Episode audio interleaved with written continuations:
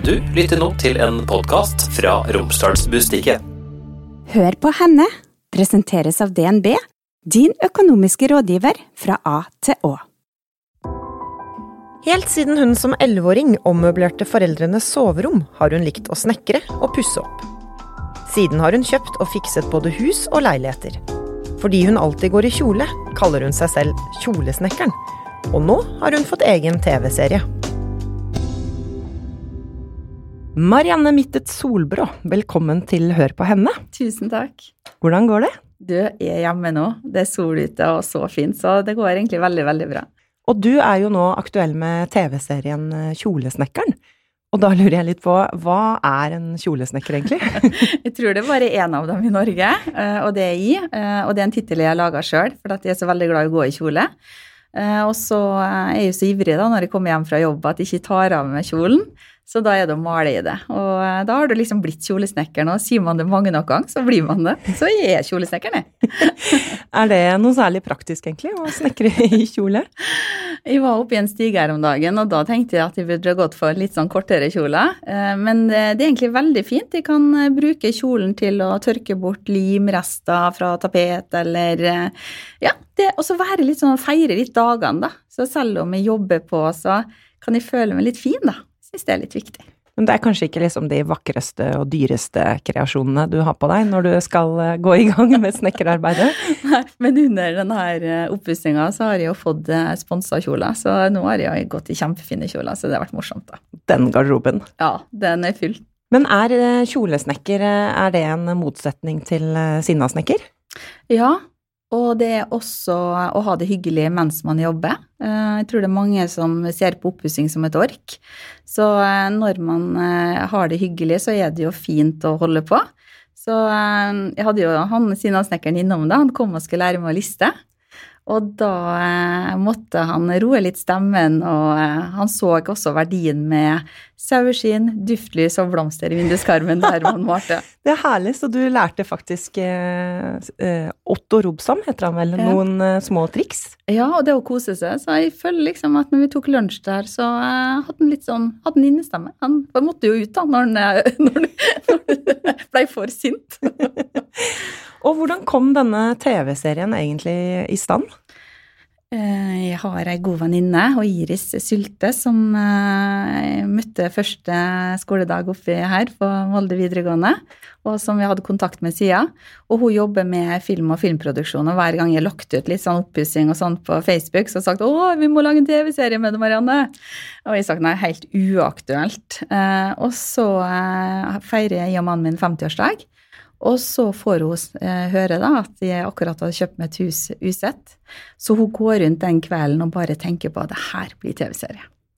Så da tar hun eh, kontakt med meg og bare 'Marianne, det her må vi. Vi må få bli med på overtakelsen av huset. Vi må få lage en eh, TV-serie'. Så da takka jeg nei, fordi at jeg kjente litt på at jeg kan være så mye, da. Når jeg blir lei av meg sjøl, så tenker jeg stakkars eh, medborgere. um, og så uh, tok hun kontakt med Tindefilm og Hilde Næland der, og så søkte de Altibox litt sånn på sida, da. Så jeg og var i Barcelona på tur og hadde jo sagt nei til det her, og så ringer Iris og bare Marianne, Altibox digga ideen. Det er altfor mange oppussingsprogram med menn um, som er sånn kjempedyktige Eh, de falt sånn for at ei som er ufaglært, da, eh, skal pusse opp og kan gi tips og inspirere andre. Så da tok vi jo på høyttaler, og så snudde vi, da. Så eh, da blei det TV-serie. Og hva var det som da egentlig var utslagsgivende for at du sa ja likevel? At jeg kunne nå flere, at jeg kunne inspirere andre. For jeg tenker da at litt sånn Halvor Bakke, jeg elsker programmet hans, men det er ikke alle som har mulighet til å ha en skiheissofa i stua si eh, på hytta. Eh, jeg tenker litt sånn gjenbruk og enkle løsninger. Eh, og da kunne motivere andre da, til å pusse opp og ta litt tak sjøl. Selv om man er kvinne og liker å gå i kjole, så kan man faktisk investere i eiendom og øke verdien på den. Er du redd for reaksjoner på det at du ikke er faglært snekker? Ja, Så jeg har tenkt at jeg skal dra på hytta og sitte der og jobbe med meg sjøl og tenke på alle mulige scenarioer, og så bare sånn Veit du hva, det er så tøft å gjøre ting for første gang med kamera til stede. Um, det blir jo ofte en fiasko det du gjør første gangen, men gjør du det flere nok ganger, så blir det jo en suksess. Uh, men jeg tør å være med og ha kamera til stede på den første gangen, så tenker jeg at jeg får veie opp, da. Um, men så klart det kommer til Og jeg, jeg, har sett noen klipp nå, og jeg ser jeg bruker jo feil redskap konsekvent. Jeg har jo ordentlig redskap, men det er liksom to meter unna, og så er det andre som er nesten like godt, én meter unna, så velger jeg å bruke det. Men det går jo bra for det? Ja, det gjør det. Liksom, det lander. Lista trenger ikke å være så høy? Nei. Eller ligge så høyt? sånn, da. Bokstavelig talt. så jeg tenker det her å Ja, trenger ikke ha så mye dyrt utstyr. Du kan skrape bort uh, maling med ostehøvelen, hvis det er den du har liggende. Men nevn noen ting som du kan når det gjelder snekring. Altså hvis du skal liste opp noen sånne Kan du flislegge, for eksempel? Ja, det kan jeg. Uh, og flis legger gjerne tregulv, for det sier jo folk at det kan du ikke, for det beveger seg. Uh, men det kan du. Du kan bruke da sånn litt uh, lim som er be bevegelig, sånn at jeg har lista masse både panel over komfyren på kjøkkenet med fliser. Jeg har fliser også tregulv i en gang. Det går kjempebra. Så det er liksom å, å Og jeg skjønner at det da blir en reaksjon fra fliseeksperter. Eh, men for meg så er det godt nok, og så veier det sånn opp at de har gjort det sjøl. Det liksom veier mer opp enn denne feinschmeckeren akkurat hvor fint det blir. Er det noe du ikke kan, som du tenker 'dette må jeg ha inn fagfolk på'? ja.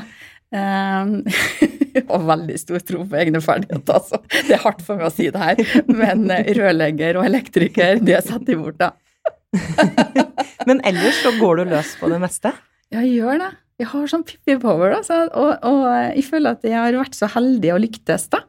Eh, så jeg kjenner at jeg har en liten sånn egen eh, sånn drive i det, at det her det skal jeg få til. Og i hvert fall hvis folk sier at det ikke går. Og jeg har jo en mann som sier at nei, nei, nei, det har jeg ikke tro på. Bare sånn. Jeg vet ikke om han gjør det bevisst eller ikke, men, eh, men da, ja, da gjør jeg det. Så jeg har tapetsert mye, så der er jeg ganske god. men det er vanskelig for meg å si hva jeg er god i. det syns jeg. Jeg vokste opp her jeg vokste opp, så, så jeg kjenner litt på det da. Men, men, eh, jeg blir bedre og bedre for hver gang jeg gjør det.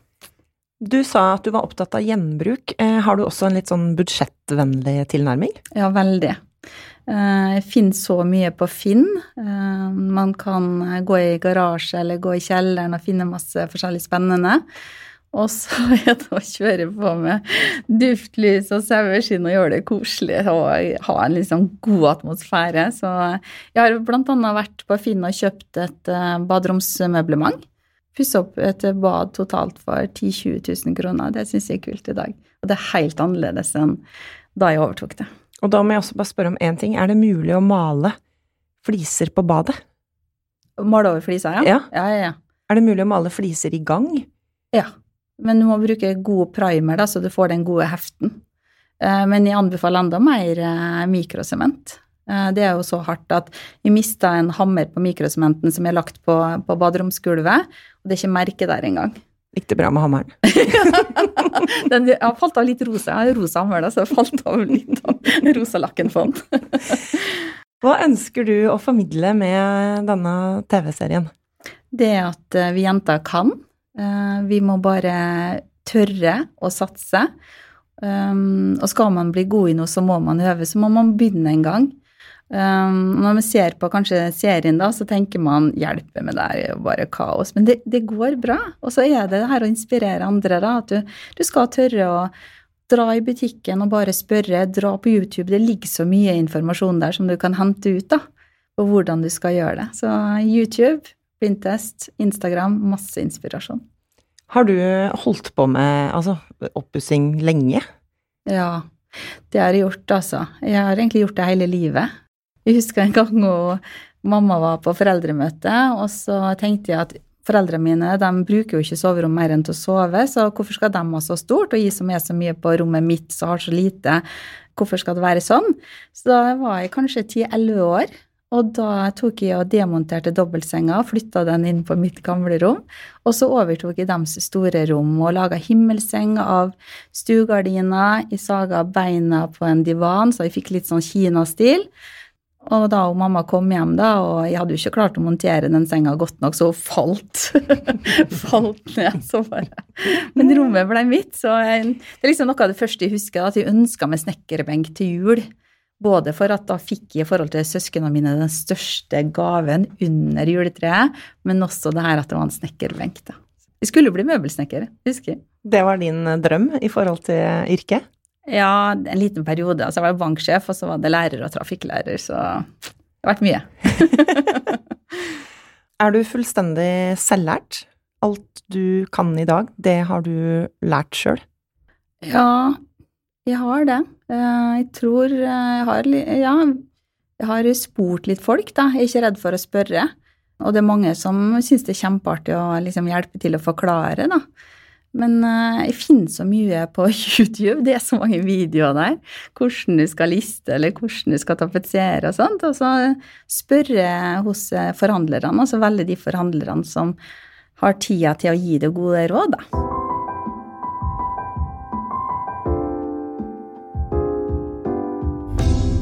Du har jo hatt noen eh, store oppussingsprosjekt før også, blant annet her i Romsdal. Ja, jeg har ei seters i arvet av pappa, eh, og den har jeg på en måte pussa opp. Og så har jeg jo holdt på med det her. Jeg har hatt ja, mange hytter og leiligheter og hus. Eh, og bygd hus og pussa opp hus og kjøpt ting huset og pussa opp og sånn. Så jeg har holdt på med det her. Det har vært liksom min hobby, da. Og det tenker jeg at mange kvinner, de de uh, burde ha en hobby som de kunne tjent penger på, uh, som motiverte dem. Og innen eiendom så er det det er liksom, Jeg sitter på bord med mange mannfolk da, når vi snakker om det her å investere i eiendom. Jeg savner at det er flere jenter som tør å gjøre det. Så jeg håper også at uh, det her kan få flere til å, til å ha en hobby som de kan tjene penger på. Hvordan turte du å kjøpe din første eiendom, som, som du skulle pusse opp og selge videre igjen? Jeg kjøpte jo et rekkehus usett, eh, og så pussa jeg det opp, og så doblas verdien. Eh, og så kjøpte jeg et hus usett, og så økte den med 500 000. Så jeg har vært sånn Jeg har sett hvordan det skal bli. Jeg tror kanskje at jeg har en egenskap til å se hvordan det blir. Eh, så selv om det ser ille ut, da, så i hodet mitt så ser jeg hva jeg må gjøre for at det skal til. Så Har det gått bra hver gang, eller har det skjært seg at ikke du enten har klart å gjennomføre, eller at du faktisk ikke fikk den verdiøkningen du håpa på? Eh, det her er jo skummelt å si, da, men jeg har vært heldig hver gang. Jeg har det, altså. Jeg kjøpte en gang en eh, næringseiendom. Det var tørkerommet, rullerommet i blokk i Oslo. Um, det var 60 på visning. Og jeg kjøpte den, og eh, ingen torde å by, fordi at eh, det var jo ikke godkjent. Det var en næringseiendom, da, så det var et massasjeinstitutt der, eh, godkjent sånn ordentlig, da. Eh, og så, og så torde jeg å kjøpe det, for jeg tenkte at de klarer å få ordna vinduer større på baksida av huset, selv om byantikvaren har sagt at det her står på ei gul liste. Og så kjøper jeg den. Ingen andre torde å by, så jeg fikk den kjempebillig. Og så bruker jeg eh, et år på å søke og ordne det, får betongsaga så jeg får større vindu. Og så er det da, istedenfor en næringseiendom, da, så er det da en fullverdig leilighet, treromsleilighet. Så det er egentlig det kuleste, da. Det høres ut som du får litt avkastning på dette, da. Blir du, blir du rik? Nei, jeg er veldig flink å bruke penger òg. Men jeg hater lån, da. Eh, så det har liksom vært sånn Jeg skal være gjeldfri, jeg syns det er veldig godt eh, å kjenne på det, da. Så, eh, men det er en drive. Vi syns det er kjempeartig. Um, og hvis de tjener litt penger, så stikker jeg ut og kjøper meg en kjole eller har en fest for venner. Gjør eller kanskje en uh, ny hammer eller sag eller De sliter jo ut, da. De kjøper gjerne sånn billige verktøy da, som bare vrir seg også. så kanskje det skal vi prøve å sette av litt penger til godt redskap. Det som er helt utrolig, syns jeg, da, er jo at du gjør dette ved siden av at du har en jobb, en vanlig jobb, og så har du jo familie. Hvordan, hvordan får du tid til det? Um, jeg bruker å si at døgnet mitt har 27 timer, men det er jo helt feil. Alle har like mye tid. Men jeg tror jeg trenger litt mindre søvn enn mange andre, så jeg jobber liksom godt om natta. Um, Hvor mye søvn trenger du? nei, kanskje fem-seks fem, fem, timer. Akkurat, og, og så det- henter meg inn igjen, da, når, det, når liksom vi kan dra på hytta, og da kan jeg sove sånn tolv timer, så jeg henter meg inn igjen. Men til vanlig så kan jeg liksom, når jeg har driven, da Jeg er så heldig at jeg har da den lidenskapen både til jobb, både til familien og både til hobbyen min. Og så omgås jeg folk som gir meg energi. Da er man i en god stim, altså. Så jeg tror at jeg er veldig heldig. Og hva er det den oppussingen gir deg? Altså, hva er det som er grunnen til at du er så gira på akkurat det? Um, jeg syns det er artig å se forandring. Jeg syns det er artig å gjøre ting til det bedre. Og så eh, er jeg veldig hjemkjær, så jeg syns det er koselig å lage det fint og hyggelig rundt meg da, for meg og mine. Eh, og med å pusse opp sånn som egen bolig, da, så får jeg jo vært hjemme. Så um, da kan jeg liksom være til stede også når eh, de andre legger seg, så kan jeg gå løs. Så nei, det gir meg kjempemye. Eh, mye artigere enn å vaske. altså. Guri land, fredagsvasken helt forferdelig. Male i kjøkkenet, så mye artigere. Så hvem tar fredagsvasken, lurer jeg på nå. det er mannen min. Nei. Ja, det er vel den naturligste ting av verden? ja, hvorfor ikke? Vi har jo akkurat feira 8. mars, og jeg tenker det her at eh, jeg syns det er så fint at du ikke spør om liksom, hvordan rekker du det her, du har fire unger, liksom. Det er aldri en mann som blir spurt om sånne ting. Um, veldig sjelden i hvert fall. Hvis det er en liksom, biografi om en mann, så er det liksom ikke nevnt om han er alenepappa eller har fire barn eller to barn. Uh, mens dama blir alltid liksom Vi ser for meg sånn firebarnsmora, hvordan har hun tid til det her? Så jeg syns det er så fint at vi kanskje får et samfunn da, der vi er enda mer likestilt. Så um, jeg er til stede når jeg er til stede. Jeg legger bort mobilen og, og prøver å være til stede. Og jeg snakka akkurat med dattera mi som studerer i Hongkong. Og så sa jeg syns du at jeg har vært mye borte, Amalie? Og hun bare nei, du har ikke det. Eh, For når du er til stede, så er du til stede, og når du er borte, så er du helt borte. Eh, Så kanskje denne gråsona kan være verre for barn, da, enn at når du er hjemme, så er du hjemme. Så jeg elsker mammarolla. Jeg elsker å være mamma til barn. Altså jeg er ikke så god til ungdom, eh, men å prøve å være til stede, det tenker jeg er det viktigste, da. Hvorfor ikke til ungdom? Er det Nei, ekstra åh, utfordringer, ja. tenker du? Det er det, altså. Elsker småbarnstida, og han minstemann nå som bare 'Jeg elsker deg, mamma', og skal kose mest mulig. Og vi har en avtale da at han aldri skal slutte å kose med meg. Og nå merker jeg at han begynner å komme litt dit at eh, eh, 'Mamma, vi, når vi inngikk den avtalen, så var jeg veldig liten, altså'. Så den er foreldet, Ja, nærmest? han mener det. Så jeg kjenner at jeg mister den litt, men så kommer de tilbake òg, da. Så gi de her røtter og vinger, det er det viktigste for meg, da. At jeg har én sønn i London, ei i Hongkong, og så har jeg to hjemme. Uh, og jeg sendte dem på utveksling til Australia i ett år når de gikk på videregående, men de vet at jeg alltid er for dem. Det tenker jeg er det viktigste å gi dem, da. At jeg elsker dem ubetinga.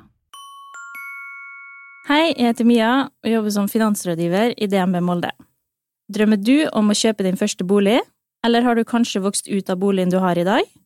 Det å kjøpe bolig er en av livets største investeringer, og uansett hvor du er i din boligjakt, ønsker vi i DNB Molde å være din rådgiver fra A til Å. Gå inn på dnb.no for å avtale et rådgivningsmøte med oss, så finner vi de beste løsningene sammen. Vi skal komme litt tilbake til eh, både familie og til eh, dette her oppussingsprosjektet som eh, er en del av den TV-serien. Men først hadde jeg lyst til å snakke litt med deg om jobben din. Du er altså regionleder i Trygg Trafikk Innlandet. Hva gjør man da? Da jobber man hver dag for at ingen skal um, omkomme og skades i trafikken. Utrolig motiverende jobb. Så jeg har en sånn um, rød teip idet jeg går inn på kontoret mitt og stopper opp der, og liksom hva er målet med dagen i dag? Og når det er da å hindre at noen skal omkomme eller skades i trafikken, så, så er det utrolig viktig. Jeg har liksom både vært eh, nær de som har mista sine. På søndagen så samla jeg mødre og søsken til de som har mista sine i trafikken.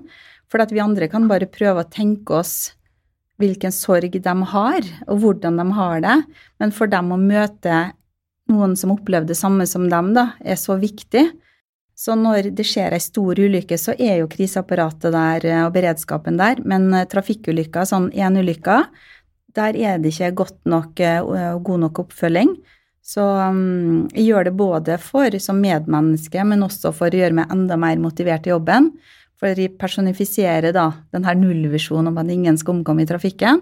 Og så blir jeg enda mer motivert for å jobbe. Og uh, Trygg Trafikk har jo hovedansvaret for barnehage, skole. Og så når de kommer opp til litt sånn førkortalder, så skal Statens vegvesen på en måte ta over. Men, men vi har liksom fokus uh, fra vugge til grav, og det tror jeg er viktig. Og jeg er veldig, veldig glad for å ha en så meningsfull jobb.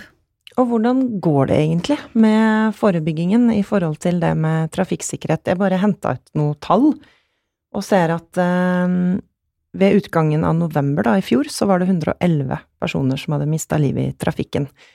Etter at vi hadde en nedgang i de to koronaårene før, da, sånn at vi liksom er tilbake på 2019-nivå. Og når mm. du sier personifisere, så er jo 111 veldig mange. Mm.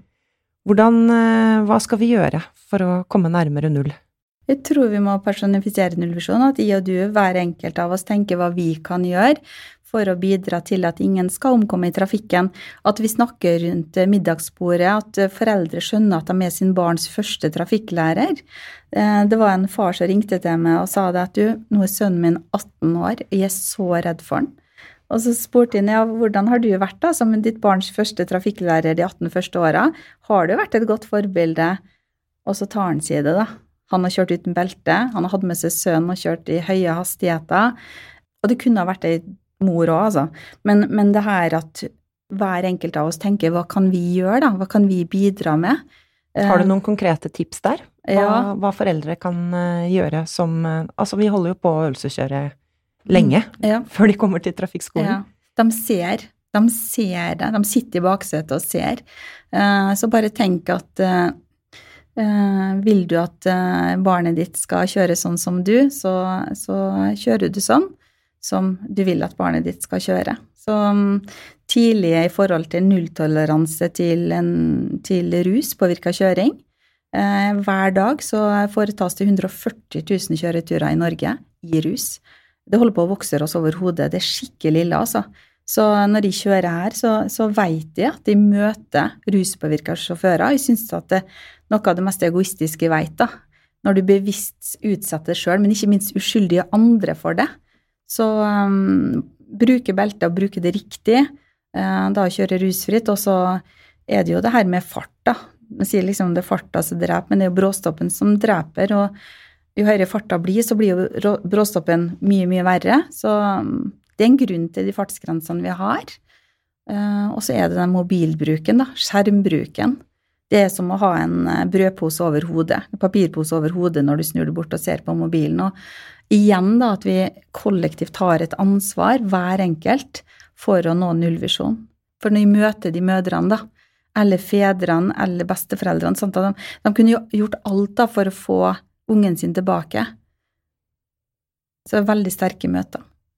Hva, hva, gjør du i de møtene? Altså, hva kan man si eller gjøre for å overhodet kunne hjelpe i en så håpløs situasjon? Ja, det er det jeg kjente på, da, at jeg trengte å hjelpe dem til å møte andre som har opplevd det samme. Og så er det jo flere som tar kontakt med meg, fordi at i Trygg Trafikk så er vi jo veldig sånn utadretta.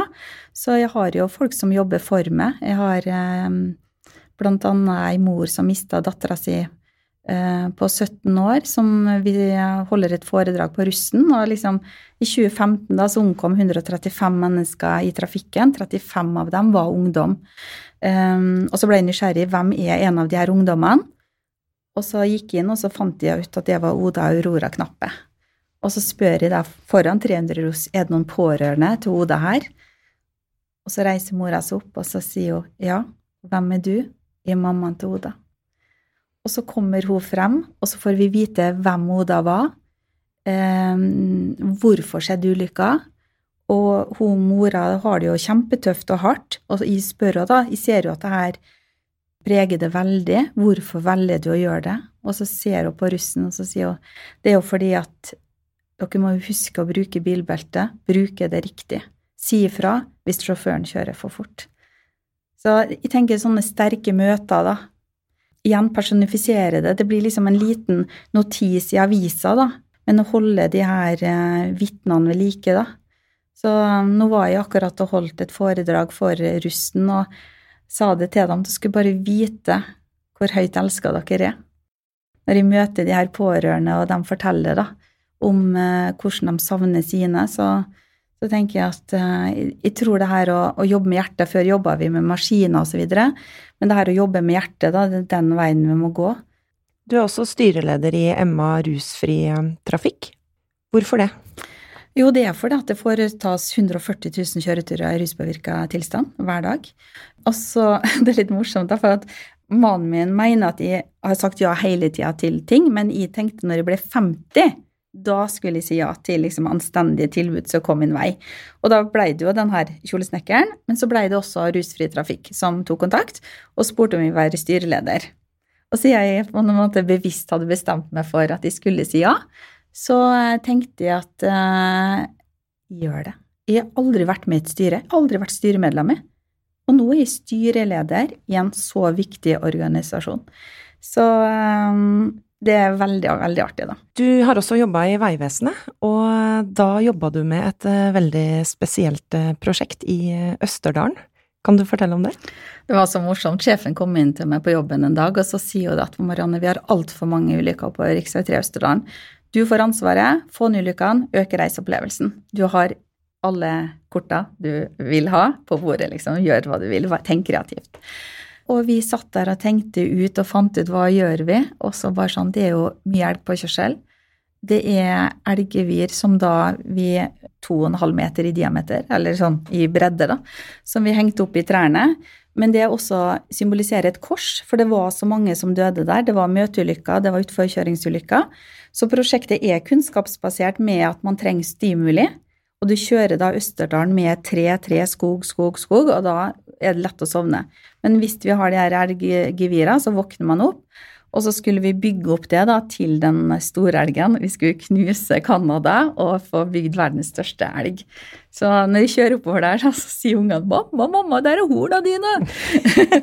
uh, og da, vi snakka litt sånn om nettroll, da, men jeg tenker i det momentet der så digga jeg folk som var kjempeirritert. For en irritert, sint uh, bilist uh, sovner ikke.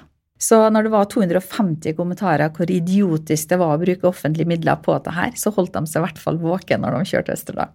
Men funka det? Altså fargerike, prikkete, stripete elghorn eh, langs veien henger oppe i, i trestammene. Virka det? Eh, vi trengte å få dem til å stoppe og sove, eh, og hver gang jeg kjører forbi Storelgen, så er det alltid biler der.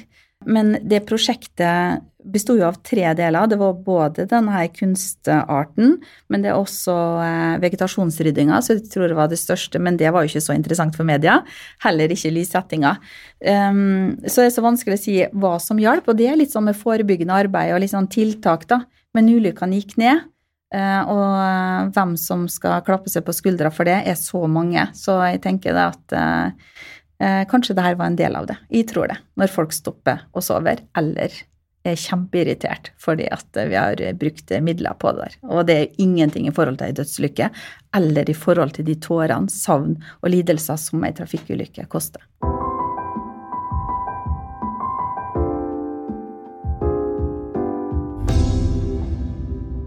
I TV-serien om Kjolesnekkeren så handler det om et hus fra 1907 som ligger på Hamar og det kjøpte du usett. Hvor, hvordan går det an?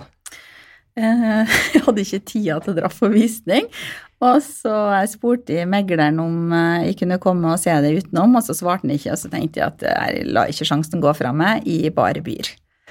Så eh, jeg kikka litt inn gjennom vinduet, da, men jeg leste rapporten godt, da. Jeg leste taksten, så jeg visste liksom hva er det du leiter etter da, når du leser rapporter? Veldig i forhold til våtrom og råteskader og, og sånt. Um, og så visste jeg at de måtte skifte alt av det elektriske anlegget.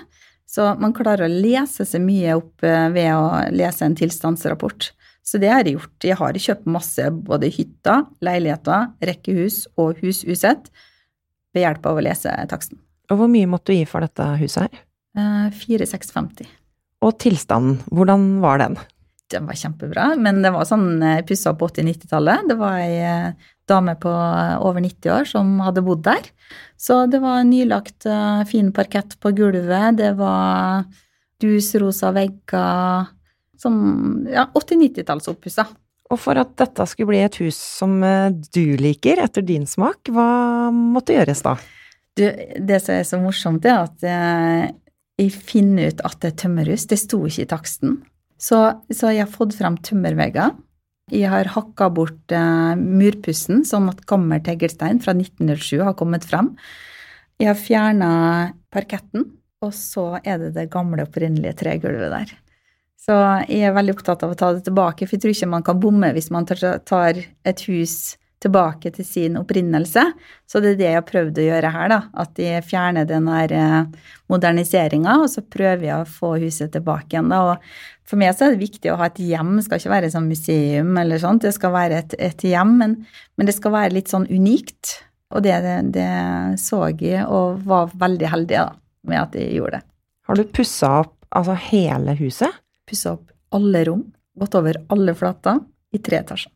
Hvor stort eh, areal snakker vi om? Snakk om 180 kvadrat som vi bruker nå, da. For dette huset finner dere ut at dere faktisk skal flytte inn i?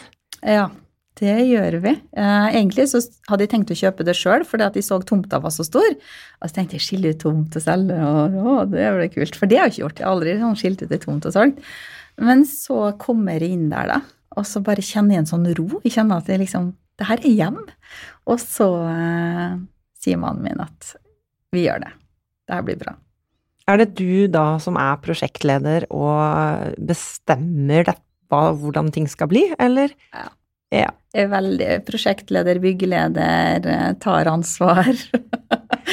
og så hører jeg med han og sånt, men han er veldig sånn eh, Nei, det har han aldri sett før. Tapet i taket, aldri sett før. Det går ikke. Og så eh, blir det tapet i taket? Det blir tapet i taket. Og han blir fornøyd. og hvordan ser det ut der kjolesnekkeren har vært? Hva slags stil har hun? Um, hun har en eh, sommerhusstil, en veldig lys stil. Jeg trenger, hadde lyst eh, rundt meg. Og så trenger jeg um, historie. Jeg trenger noen gamle ting som har historie for meg. Og så trenger jeg noe nytt, og så trenger jeg noe Sofaen skal være god. Det skal ikke være en kald skinnsofa. Det skal være en deilig dunhopp oppi sofa. Og så skal det være plass til mange. Da. Det skal være et sosialt sted. Det skal være et sånn hjerterom. Da. Så jeg føler jeg har fått til det da, med store tremeters spisestue og plass til mange.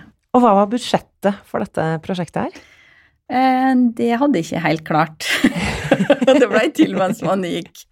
Eh, men jeg var jo heldig å få sponsa, da, for jeg har jo også ei anna venninne eh, som gikk på videregående, hun Stine Solheim i Fargerike. Så hun falt jo også for veldig ideen, da. Så hun har jo Fargerike har vært med og sponsa, så jeg har fått mye maling og tapet og sånt derifra.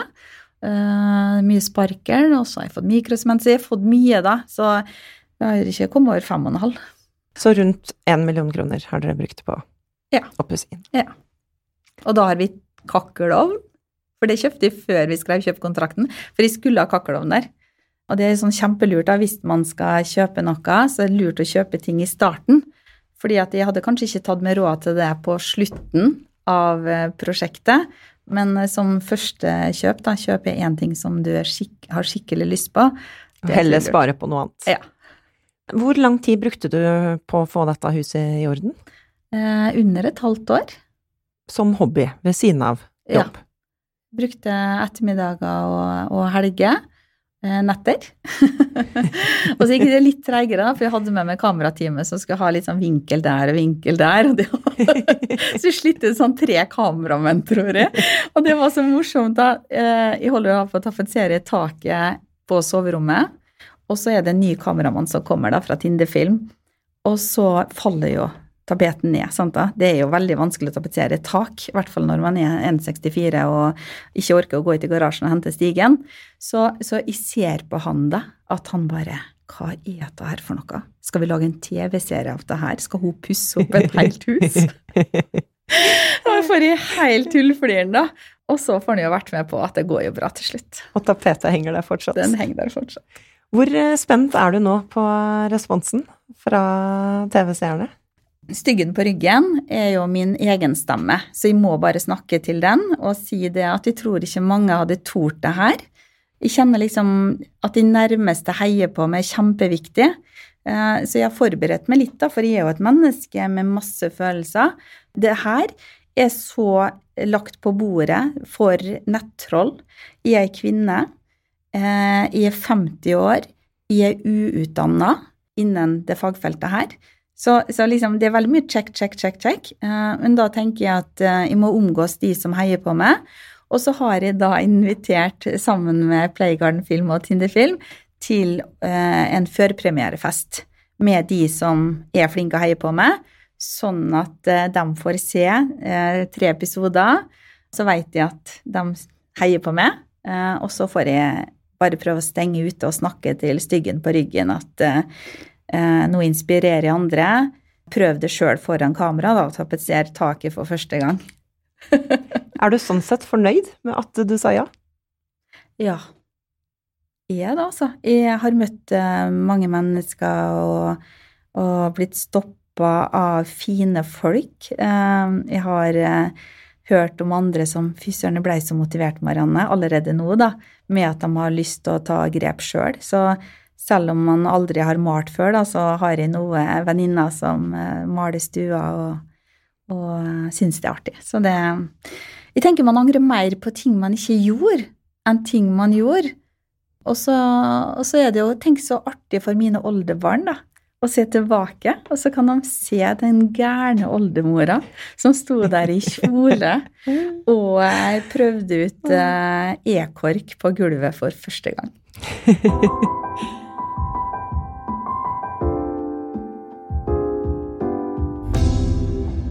Marianne, vi skal snakke litt om uh, hvor du kommer fra.